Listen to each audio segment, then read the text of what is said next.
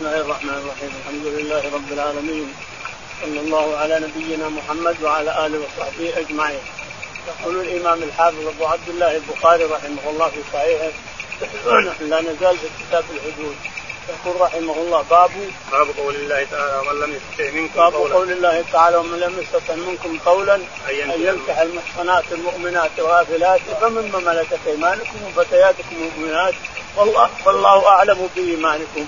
بعضكم من بعض. فانكحوهن بإذن أهلهن وآتوهن أجورهن محصنات غير مسافحات ولا متخذات أخدان. إلى آخر الآية. هذه الآية نزلت في الصحابة رضي الله عنهم الفقراء الذين لا يجدون نكاح الحرة ما يجد نكاح حرة. ولا طول أمة يشتريها. إلا الأفضل أنه ينكح حرة أو يشتري أمة. إذا أحس به ومن شروط العنة أنك تشتري نكاح الأمة. من شروط نكاح الأمة للحر أنه لا يجد نكاح حرة ولا ثمن أمة ولا يقدر يصبر. عنده شبق عنده شهوة كثيرة. فهذه الشروط إذا تمت له أن ينكح أمة مملوكة. لأن أولادك إذا نكحت أمة مملوكة لغيرك أولادك تابعين لها يصيروا مملوكين أيضا لغيرك. حتى أولادك اللي يأتون يصيروا مملوكين لغيرك. فلهذا منع الشرع أن تنكح إنسان أمة مملوكة لغيرك إلا بشروط ثلاثة. ألا تجد نكاح أمة نكاح حرة ولا طول أمة ثمن أمة ولا تستطيع تصبر عن النكاح لازم من النكاح. فإذا كانت هذه الشروط فلك أن تنكح أمة ولو كانت مملوكة. باب إذا زنت الأمة. قال قال رحمه الله حدثنا عبد الله بن يوسف قال أخبرنا مالك عن ابن شهاب عن عبيد الله بن عبد الله عن أبي هريرة وزيد بن خالد رضي الله عنهما أن رسول الله صلى الله عليه وسلم سئل, عن الأمة إذا زنت ولم تحسن قال إذا زنت فاجلدوها ثم إن زنت فاجلدوها ثم إن زنت فاجلدوها ثم بيعوها ولو بتفيق قال ابن شهاب لا أدري بعد الثالثة من الرابعه. يقول البخاري رحمه الله حدثنا باب إذا زنت الأمة. باب إذا زنت الأمة ماذا يفعل فيها؟ امه مملوكة زنت ماذا يصنع بها؟ عليها نصف عذاب الحرة. الحرة تجلد تجلد 100 والأمة تجلد 50 إلى آخره. يقول البخاري حدثنا عبد الله بن يوسف. قال بن يوسف التنيسي. قال حدثنا مالك. مالك بن أنس الإمام.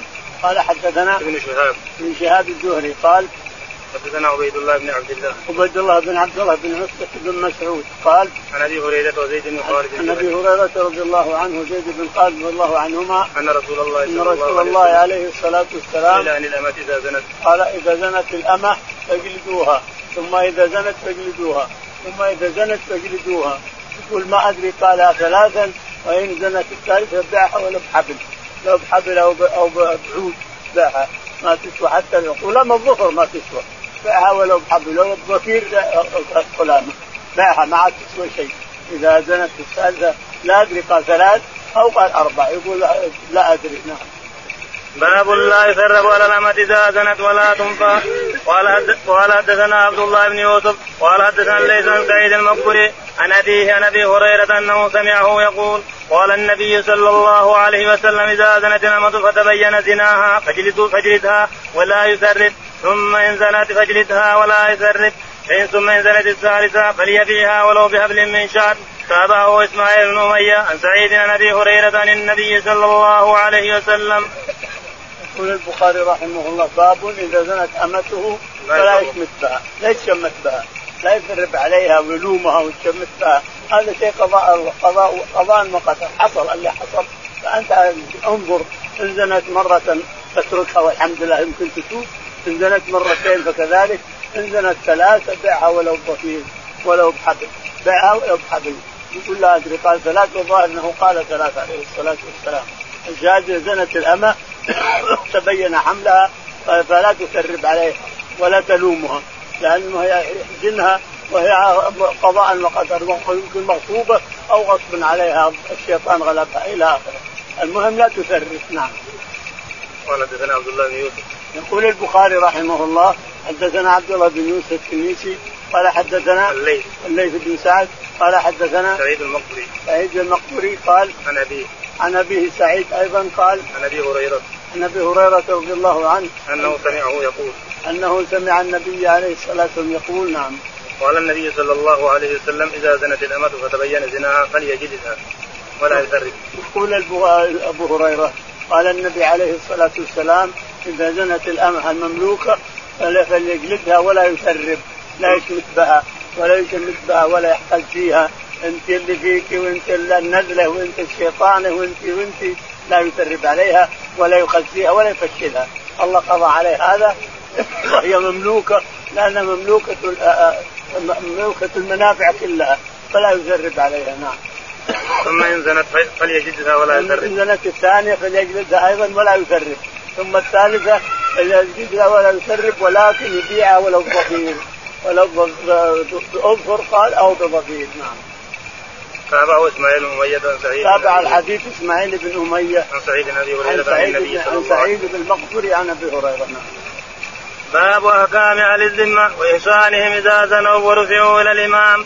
قال حدثنا موسى بن إسماعيل قال حدثنا عبد الواحد قال حدثنا الشيباني قال سألت عبد الله بن أبي أوفى عن الرجل فقال رجم النبي صلى الله عليه وسلم فقلت قبل النور أم بعده؟ قال لا أدري تابعه علي بن مسر وخالد بن عبد الله المحاربي وبيدة بن حميد الشيباني وقال بعضهم المائدة والأول أصح.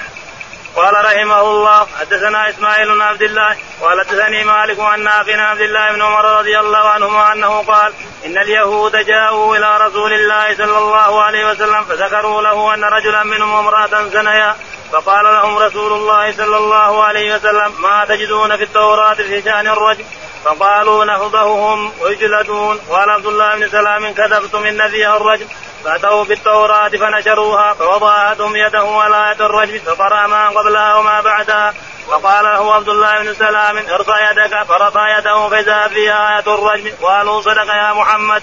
فيها آية الرجم فأمر بهما رسول الله صلى الله عليه وسلم فرجما فرأيت الرجل يعني على المرأة يقيها الإجارة. يقول البخاري رحمه الله باب باب أحكام أهل الذمة. أحكام أهل الذمة إذا تحاكموا إلينا. وإحسانهم إذا زنوا. ورجمهم إذا زنوا. إذا تخاصموا إلينا أحكامهم إذا تخاصموا إلينا نرجمهم إذا زنوا. نجلد اللي الزاني منهم الذي هم محسن إلى آخره. يقول البخاري رحمه الله حدثنا موسى بن إسماعيل. موسى بن إسماعيل قال حدثنا عبد الواحد. عبد الواحد قال قال حدثنا الشيباني. حدثنا الشيباني قال سألت عبد الله بن أبي أوفى عن الرجم سألت عبد الله بن أبي أوفى عن الرجم فقال رجم النبي صلى الله عليه وسلم. قال رجم النبي عليه الصلاة والسلام كنت قبل نزول الماء النور. النور. قال لا أدري. أم بعدها قال لا أدري. تابعه علي بن مسر وخالد بن عبد الله. تابع السند علي بن مسر وخالد بن عبد الله والمحاربي. عن المحاربي. وعبيدة بن حميد عن الشيباني. وعبيدة بن حميد عن الشيباني نعم. وقال بعضهم المائدة. وقال بعضهم المائدة. المائدة ما فيها الرجل. والأول أصح. والأول أصح لأنهم سورة سورة النور. المائدة ما فيها أحكام. الزنا قال حدثنا إسماعيل بن عبد الله. قال حدثنا إسماعيل بن عبد الله. قال حدثنا مالك. حدثنا مالك. قال حدثنا نافع. نافع عن ابن عمر. قال ابن عمر رضي الله تعالى عنه. أنه قال إن اليهود جاءوا إلى رسول الله صلى الله عليه وسلم. جاءوا إلى الرسول عليه الصلاة والسلام. فذكروا له أن رجلا أن رجلا زنى بامراه قال قال ما ما, ما تجدون في التوراة؟ قالوا إن نجد حسن سحم وجهه. يسود وجهه بالاسود يحلق لحيته يسود وجه المرأة ونركبهم على حمار على قلب على ظهر الحمار وما ذلك من بين قالها قال عبد الله بن سلام كذبتم. التوراة فيها الرجل. ائتوا بالتوراة. قال الرسول عليه الصلاة والسلام ائتوا بالتوراة. ائتوا بالتوراة فجاءوا بالتوراة وكان فنشروها وكان يقرأ الآيات اللي قبل آية الرجم الآيات اللي قبلها والآيات اللي بعدها. فقال له عبد الله بن السلام ارفع يدك فرفع يده فإذا آية الرجم فيها من التوراة والإنجيل والقرآن كل آية فيها آية الرجم. فلما أمر الرسول عليه الصلاة والسلام برجمهما اليهود. متى هذا؟ إذا أتوا إلى المسلمين يحكموا بينهم. أتوا إلى الرسول عليه الصلاة والسلام يحكم بينهم. لو ما جاءوا خلينا حكمهم على كيفهم كيفهم لكن إذا اتوا يطلبون الحكم. من الرسول عليه الصلاة والسلام أو من سلطان أو من سلطان الدولة. والكتاب يهود زنيا فأتوا إلى سلطان الدولة يطلبون منه الحكم بالإسلام. فانه يستريد يستشير علماء الإسلام ويعمل ما في التوراة. ينشرون التوراة ويعملون ما في التوراة ويقضي عليهم بما في توراتهم. إلى آخره. يقول أبو هريرة رضي الله عنه فأمر الرسول برجمهما. فرأيت الرجل يحني على المرأة يقيها الحجارة حينما تضرب عليهم. تضرب الحجارة عليه وتضرب على المرأة فيقيها بنفسه آخره. باب إذا رمى امرأته أو امرأة غيره بالزنا عند الحاكم والناس هل على الحاكم أن يبأس إليها؟ فيسأل عما رميت به. قال رحمه الله حدثنا عبد الله بن يوسف قال أخبرنا مالك عن ابن شهاب عن عبيد الله بن عبد الله بن عتبة بن مسعود عن أبي هريرة وزيد بن خالد أنهما أخبراه أن رجلين اتصما إلى رسول الله صلى الله عليه وسلم فقال أحدهما اكتب بيننا بكتاب الله وقال الآخر وهو أفقههما أجل يا رسول الله اكتب بيننا بكتاب الله واذن لي أن أتكلم. قال تكلم قال إن ابني كان عسيفا على هذا قال مالك والعسيف الأجير فزنى بمراته فأخبروني أن على ابن الرجم فافتديت منه بمائة شاة وبجارية لي ثم إني سألت على العلم فأخبروني. إنما على ابني جلد مائة وتغريب عام وإنما الرجم على امراته فقال رسول الله صلى الله عليه وسلم أما والذي نفسي بيده لأقضين بينكما بكتاب الله أما غنمك وجاريتك فرد عليك. وجلد ابنه مئة وغربه وغربه عاما وأمر انيسا الأسلمي أن يأتي امرأة الآخر. فإن اعترفت فرجمها فاعترفت فرجمها. يقول البخاري رحمه الله باب باب إذا رمى امرأته أو امراه رمى امرأته أو غيرها بالزنا. بالزنا عند الحاكم والناس. عند الحاكم والناس. يعني راها رماها بالزنا عند الحاكم أو الناس. هل على الحاكم أن يبعث اليها؟ على الحاكم أن يبعث يستلم أن يسألها عن ما حصل عن ما قيل فيها فإن اعترفت ترجم وإن لم تعترف ما ترجم. إلى آخره. يقول البخاري حدثنا عبد الله بن يوسف عبد الله بن يوسف. قال حدثنا مالك بن مالك بن أنس. قال حدثنا ابن شهاب. ابن شهاب الزهري قال عن عبيد الله بن عبد الله بن عبيد الله بن عتبة بن مسعود قال عن أبي هريرة وزيد بن خالد. عن أبي هريرة وزيد بن خالد الجهني أنهما أخبراه أن رجلين اقتسما أنهما كان حاضرين عند النبي عليه الصلاة والسلام. جاء رجلين. جاء رجلان إلى النبي عليه الصلاة والسلام. فقال أحدهما يا رسول الله إنه زنى. يقضي بيننا بكتاب الله. إن امرأته زنت اقضي بيننا بكتاب الله. هذا الأول. الثاني قال يا رسول الله نعم اقضي بيننا بكتاب الله واذن أن اتكلم قال تكلم. قال أن ابني هذا عسيفا على امرأة هذا. يعني أجير عند هذا فزنى بامرأة هذا. فقيل لي إن على ابني فافتديته بغنم وجارية. ولكن سألت أهل العلم فقالوا إن على ابن الجلد والتغريب وعلى زوجة هذا الرجل بالحجارة. قال والذي نفسي بيده لأغطين بينهما بكتاب الله. أما الرد الغنم والجارية رد عليك وعلى ابنك جلد مئة وتغيب عام. وهذا وغد يا أنيس فإن اعترفت امرأة هذا فجلدها. فذهب أنيس فاعترفت عنده فرجمها بالحجارة إلى آخره. الشاهد أن الإمام ينوب عنه من من يتكلم أو من يستفسر عن هذا. أنت فلان فلان ابن فلان عنده مصيبة راح يا فلان. استفسر وش هذا؟ وش اللي حصل؟ وش اللي ما حصل؟ ينوب من يشاء. الإمام ينوب من يشاء. السلطان اليوم ينبي ينوب على القضاة يقومون باللازم الذي يحصل أو بالحوادث التي تحصل. يقول نعم. باب من ادب اهله أو غير أو غيره دون السلطان. وقال أبو سعيد عن النبي صلى الله عليه وسلم إذا صلى فأراد احد أن يمر بين يديه فليدفعه فإن أبى فليقاتل. وقاله أبو سعيد. قال رحمه الله حدثنا إسماعيل قال حدثني مالك عن عبد الرحمن بن القاسم عن أبي عائشة رضي الله عنها قالت جاء أبو بكر رضي الله عنه ورسول الله صلى الله عليه وسلم وادع راسه ولا فخذه فقال هبست رسول الله صلى الله عليه وسلم والناس وليسوا على ماء فعاتبني وجعل يطعن بيده في قاصرتي ولا يمنعني من التحرك إلا مكان رسول الله صلى الله عليه وسلم فأنزل الله آية التيمم.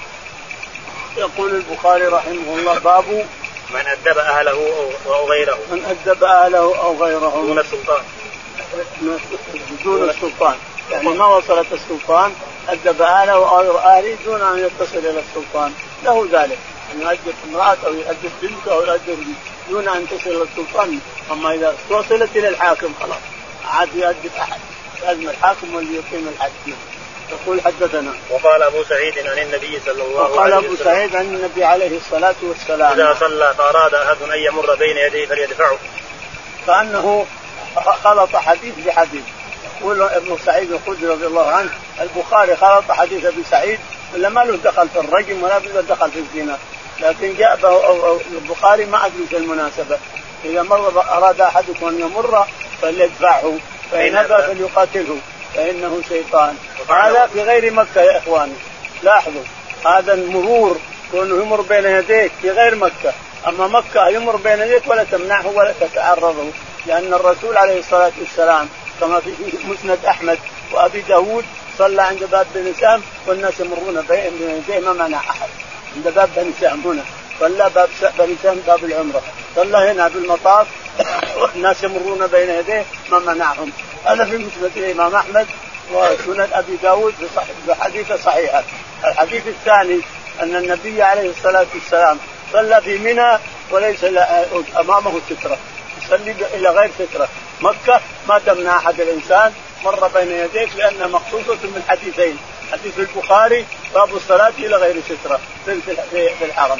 وحديث أبي داود والإمام أحمد وأبي داود أن النبي صلى هنا إلى غير سترة لأنهم يمرون بين يديه وهو يصلي عليه الصلاة والسلام. فمكة مخصوصة بأنك لا تمنع أحد. يمر بين يديك ولا ما يمر لا تمنع حتى لو امرأة حتى لو امرأة لا تمنعها.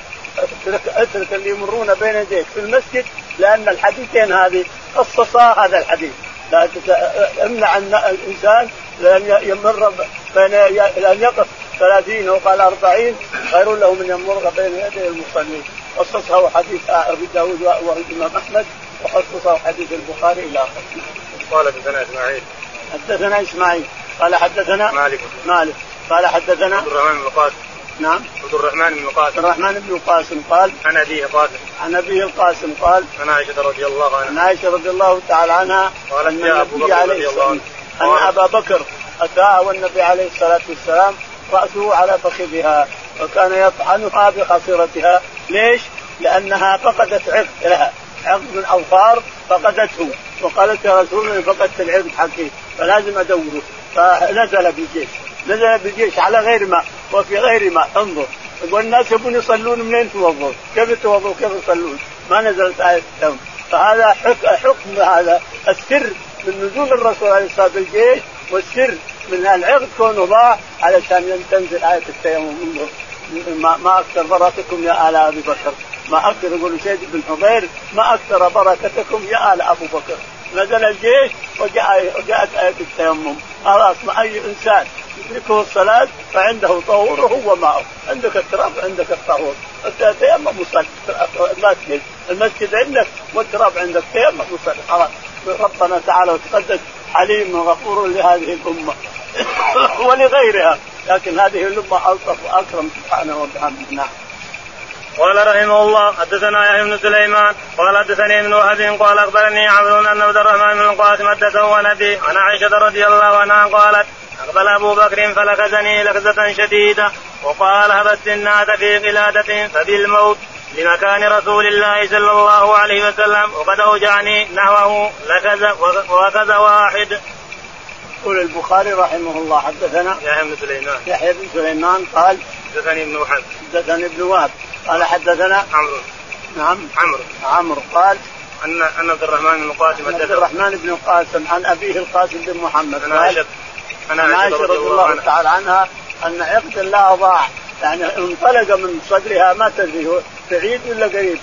وجدوه تحت الجمل. يوم قام الجمل وجدوا العقد تحت الجمل حق الجمل حقها الشاهد أن الرسول عليه الصلاة والسلام نزل في الجيش علشان يبحثون عن العقد حق عائشه لما نزل بالجيش على غير ماء والناس يبون يتوضون يبون يصلون كيف يتوضون يصلون وكيف يصلون وكيف يشربون وكيف؟ إلى آخره. جاء أبو بكر غضبان ابوها وصار يطعنها في خاصرتها من هنا من الخاصره هنا والرسول راسه على فخذه عليه الصلاة كافة رجلها والرسول رأسه على نايم عليه الصلاة والسلام. جاء أبو بكر تحبسين الناس علشان يغد حابسينهم على غير ماء وكيف يصلون؟ وكيف يتوضؤون؟ وكيف يشربون الآن يا عائشة؟ ما تكلمت عليه حتى نزلت آية التيمم لما استيقظ الرسول عليه الصلاة والسلام. لكزني لكزة شديدة. لكزني لكزة شديدة. أي نعم معروف. وقال بس الناس هذه الموت. حبست الناس على غير ما إلى آخره. لما استيقظ الرسول أتى الله بالفرج نزلت آية التيمم. فإن لم تجدوا ماء فتيمموا صعيدا طيب. الله صعيد. طلع مسجدك عندك والتراب عندك. اضرب يديك مرتين أو مرة لحديث عمار وصلي مسجدك عندك إلى آخره. فجاء سيد بن حضير قال ما أكثر بركتكم يا آل أبي بكر؟ نزلت آية التيمم وفرج الله عن الناس. لو ما وجد ما يصلي تيمم يصلي. نعم. باب من رأى مع امرأته رجلا فقتله. قال رحمه الله حدثنا موسى قال حدثنا أبو عوانة قال حدثنا عبد الملك أو الراد أو عن المغيرة. قال قال سعيد بن عبادة لو رأيت رجلا مع امراته لضربته بالسيف غير مصفح فبلغ ذلك النبي صلى الله عليه وسلم فقال أتعجبون من غير من غيرة سعد؟ لا أنا أغير منه والله أغير مني. باب من رأى رحمه الله باب من رأى مع امرأته رجلا من رأى مع امرأته رجلا فقتله. فقتله ضربه بالسيف فقتله. يقول البخاري رحمه الله حدثنا موسى. موسى بن إسماعيل قال حدثنا أبو عوانة. أبو عوانة قال حدثنا عبد الملك. عبد الملك قال عن وراد عن وراد كاتب المغيرة عن المغيرة بن شعبه رضي الله عنه أن سعد بن أبي وقاص سعد بن عبادة رئيس الخزرج قال لئن وجدت مع امرأتي رجلا لاقتلنه لاضربنه بالسيف غير مصفح يعني بسلته ما هو بظاهره. أضربه بالسيف حتى أقتله. فبلغ النبي عليه الصلاة والسلام قال تعجبون من سعد بن عبادة؟ الله أنا أنا أغير منه والله أغير مني تعالى وتعالى. باب ما جاء في التعريض قال رحمه الله حدثنا إسماعيل قال حدثني مالك عن ابن شهاب عن سعيد عن سعيد بن المسيب عن أبي هريرة رضي الله عنه أن رسول الله صلى الله عليه وسلم جاءه اعرابي فقال يا رسول الله إن امرأتي ولدت غلاما أسود. فقال هل لك من إبل؟ قال نعم. قال ما ألوانها؟ قال حمر. قال فيها أورق. قال نعم. قال فأنا كان ذلك. قال أراه عرق نزع قال فهل ابنك هذا نزعه عرق؟ باب التعريض يقول البخاري رحمه الله. باب ما جاء في التعريض. باب ما جاء في التعريض يعرض الرسول عليه الصلاة والسلام. الراجل يعرض بينفي الولد والرسول أتاه بقياس. أتاه بقياس لا يقدر أن يتخلص منه. يقول البخاري رحمه الله حدثنا إسماعيل. إسماعيل قال حدثنا مالك. مالك قال حدثنا ابن شهاب. ابن شهاب قال عن سعيد بن المسيب. عن سعيد بن المسيب قال عن أبي هريرة رضي الله عنه. ابي هريرة رضي الله تعالى عنه أن اعرابيا أتى النبي عليه الصلاة والسلام فقال يا رسول الله إن ابني إن امرأتي ولدت ولدا أسود. ولدت ولد أسود. يعني وأنا أولادي كلهم كل أولادي كلهم حمر بيض فهذا ولد أسود. ان ينفر قال امرأتك ولد أسود ولد أسود؟ قال نعم. قال هل لك إبل؟ قال نعم. قال فيها أورق فيها أسود؟ قال نعم. قال منين جاء الأسود البعيد هذا الأسود. منين جاء السواد؟ قال لعله نزاه عرق قال وولدك لعله نزاه عرق ولدك لعله نزاه عرق من أجدادك أو آبائك واعمائك من يدري؟ فاسكت الرجل في القياس. قال قاس عليه البعارير نعم. باب كم التعذير والأدب. قال رحمه الله حدثنا عبد الله بن يوسف قال حدثنا الليث قال حدثني يزيد بن أبي حبيب عن بكير بن عبد الله عن سليمان بن يسار عن عبد الرحمن بن جابر بن عبد الله عن أبي بردة رضي الله عنه قال كان النبي صلى الله عليه وسلم يقول لا يجلد فوق عشر جلدات إلا في يد من حدود الله. يقول البخاري رحمه الله باب كم التعزير والأدب. كم التعزير كم التعزير كم يجلد في التعزير؟ يعني لا يزاد على عشر جلدات. حدثنا عبد الله بن يوسف. عبد الله بن يوسف. قال حدثنا الليث. الليث بن سعد. قال حدثنا يزيد بن حبيب يزيد بن حبيب قال عن بخير بن عبد الله. عن بخير بن عبد الله. قال عن سليمان بن يسار. عن سليمان بن يسار رضي الله عنه. قال عن عبد الرحمن بن جابر بن عبد الله. عبد الرحمن بن جابر. قال عن أبي بردة رضي الله عنه. عن أبي بردة رضي الله تعالى عنه. أن النبي عليه الصلاة والسلام كان يقول لا يجلد فوق عشر جلدات إلا كان يقول عليه الصلاة يحدث الناس في الخطب أنه لا يوجد إنسان فوق عشر جلدات في التعزير. التعزير لا يجلد أحد فوق التعزير ولا يبلغ ولا يبلغ الحد. الا في حد من حدود الله، الحد يجلد الحد اللي حدده الله تعالى وتقدم، لكن تعزير يعزلون التعزير لأنه ما ثبت عليه الحد حينئذ أكثر من عشرة ما يجوز. ممنوع. قال رحمه الله حدثنا عمرو بن علي قال حدثنا فديل بن سليمان قال حدثنا مسلم بن أبي مريم قال حدثني عبد الرحمن بن جابر من سمع النبي صلى الله عليه وسلم قال لا عقوبة فوق عشر ضربات إلا في حد من حدود الله. يقول البخاري رحمه الله حدثنا عمرو بن علي. عمرو بن علي الفلاس قال حدثنا زيد بن سليمان. زيد بن سليمان قال حدثنا مسلم بن أبي مريم. مسلم بن أبي مريم قال قال حدثني عبد الرحمن بن جابر. حدثني عبد الرحمن بن جابر. قال من سمع النبي صلى الله عليه وسلم. سمع النبي عليه الصلاة والسلام يقول قال لا عقوبة فوق عشر ضربات قال لا عقوبة فوق عشر ضربات إلا في حد من حدود إلا في حد من حدود الله. الحد تضربها الحد اللي في كتاب الله. الحد اللي نزل في الكتاب أو في السنة أضربه. وأما غيره تعزير فلا يوجد أكثر من عشر جلسات قال رحمه الله حدثنا يحيى بن سليمان قال حدثني ابن وهب قال أخبرني عمرو أن بكيرا حدث قال بينما أنا جالس عند سليمان بن يسار جاءه عبد الرحمن بن جابر فحدث سليمان بن يسار ثم أقبل علينا سليمان بن يسار فقال حدثني عبد الرحمن بن جابر أن اباه حدث أنه سمع أبا بردة الأنصاري قال سمعت النبي صلى الله عليه وسلم يقول لا تجلدوا فوق عشرة أصوات إلا في يد من حدود الله. يقول البخاري رحمه الله حدثنا يحيى بن سليمان. يحيى بن سليمان قال حدثنا ابن وهب. ابن وهب قال حدثنا عمرو.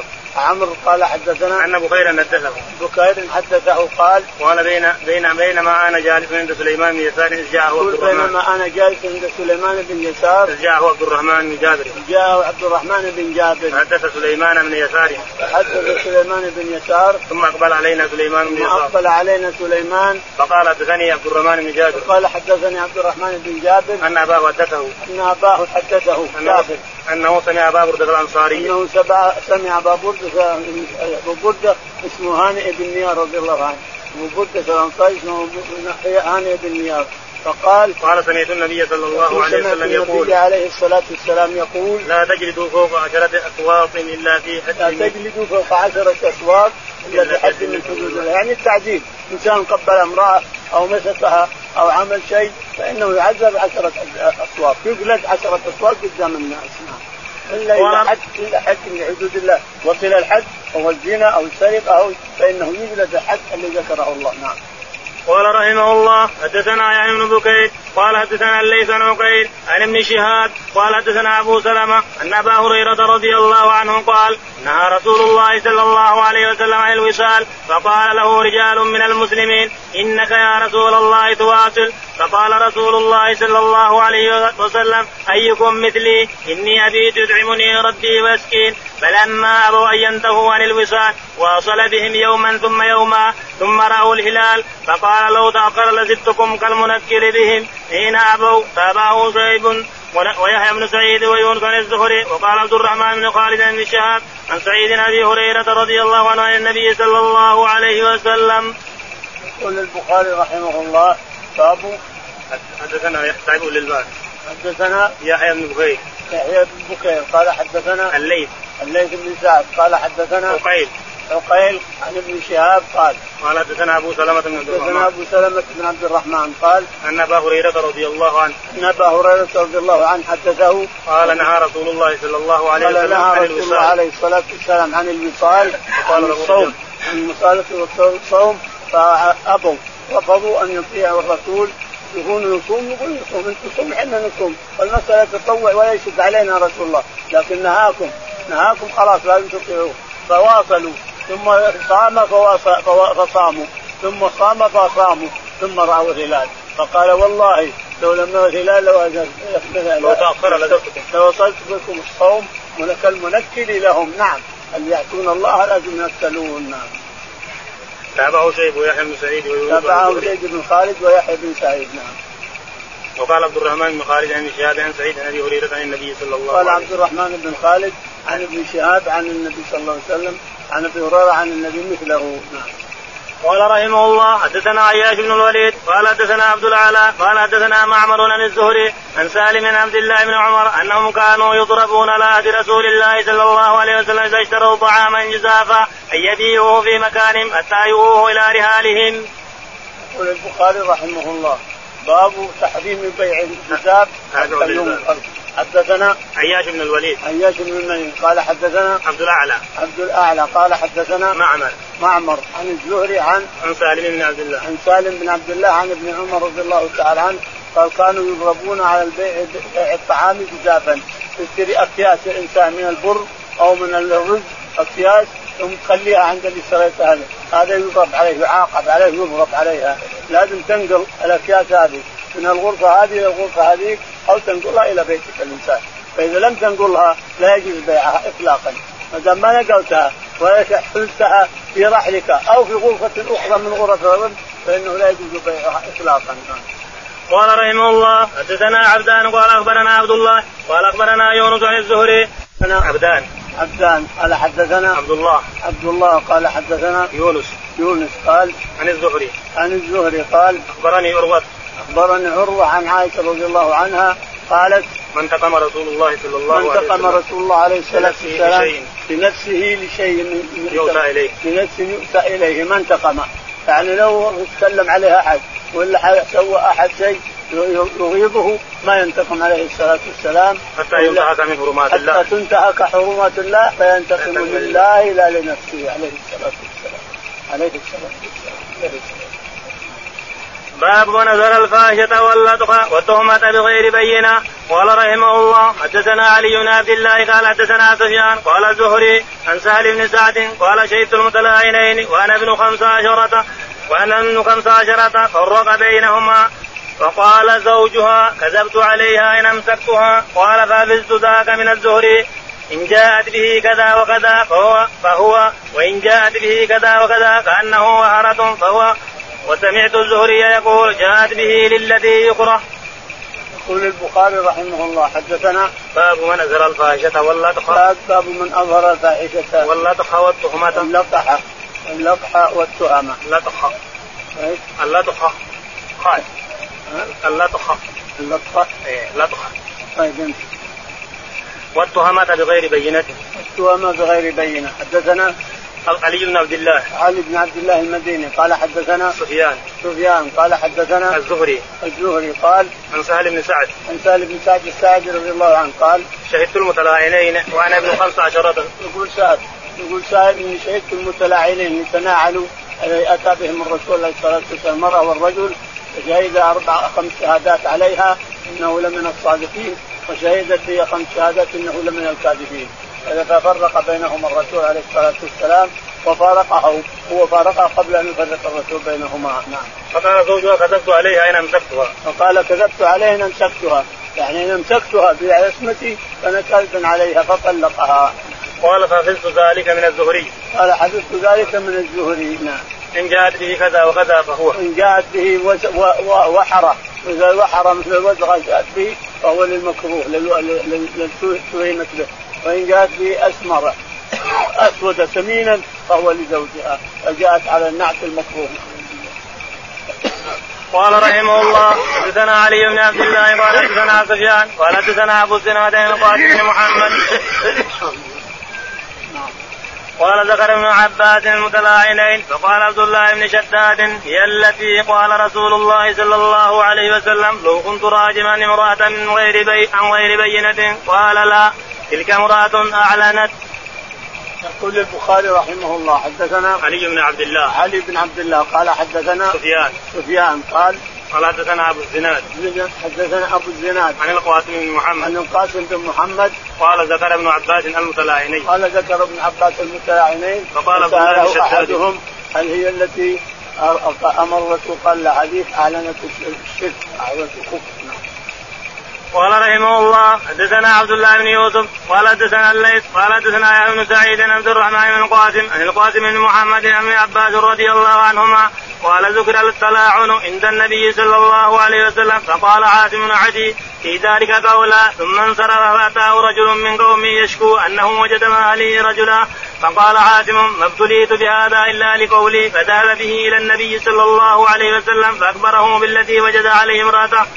وكان ذلك الرجل مصفرا قليل اللام سبط الشعر الشعر وكان الذي ادعى عليه أنه وجده عند أهل آدم خد آدم خدلا خدلا كثير اللحم. فقال النبي صلى الله عليه وسلم اللهم بين. فوضعت شبيها بالذي ذكر زوجها أنه وجده عندها. فلعن النبي صلى الله عليه وسلم بينهما. فقال رجل لابن عباس في المجلس هي التي قال النبي صلى الله عليه وسلم لو رجمت آدم بغير بينة رجمت هذه. فقال لا تلك امرأة كانت تزر في الإسلام السوء. يقول البخاري رحمه الله حدثنا عبد الله بن يوسف. عبد الله بن يوسف قال حدثنا الليث.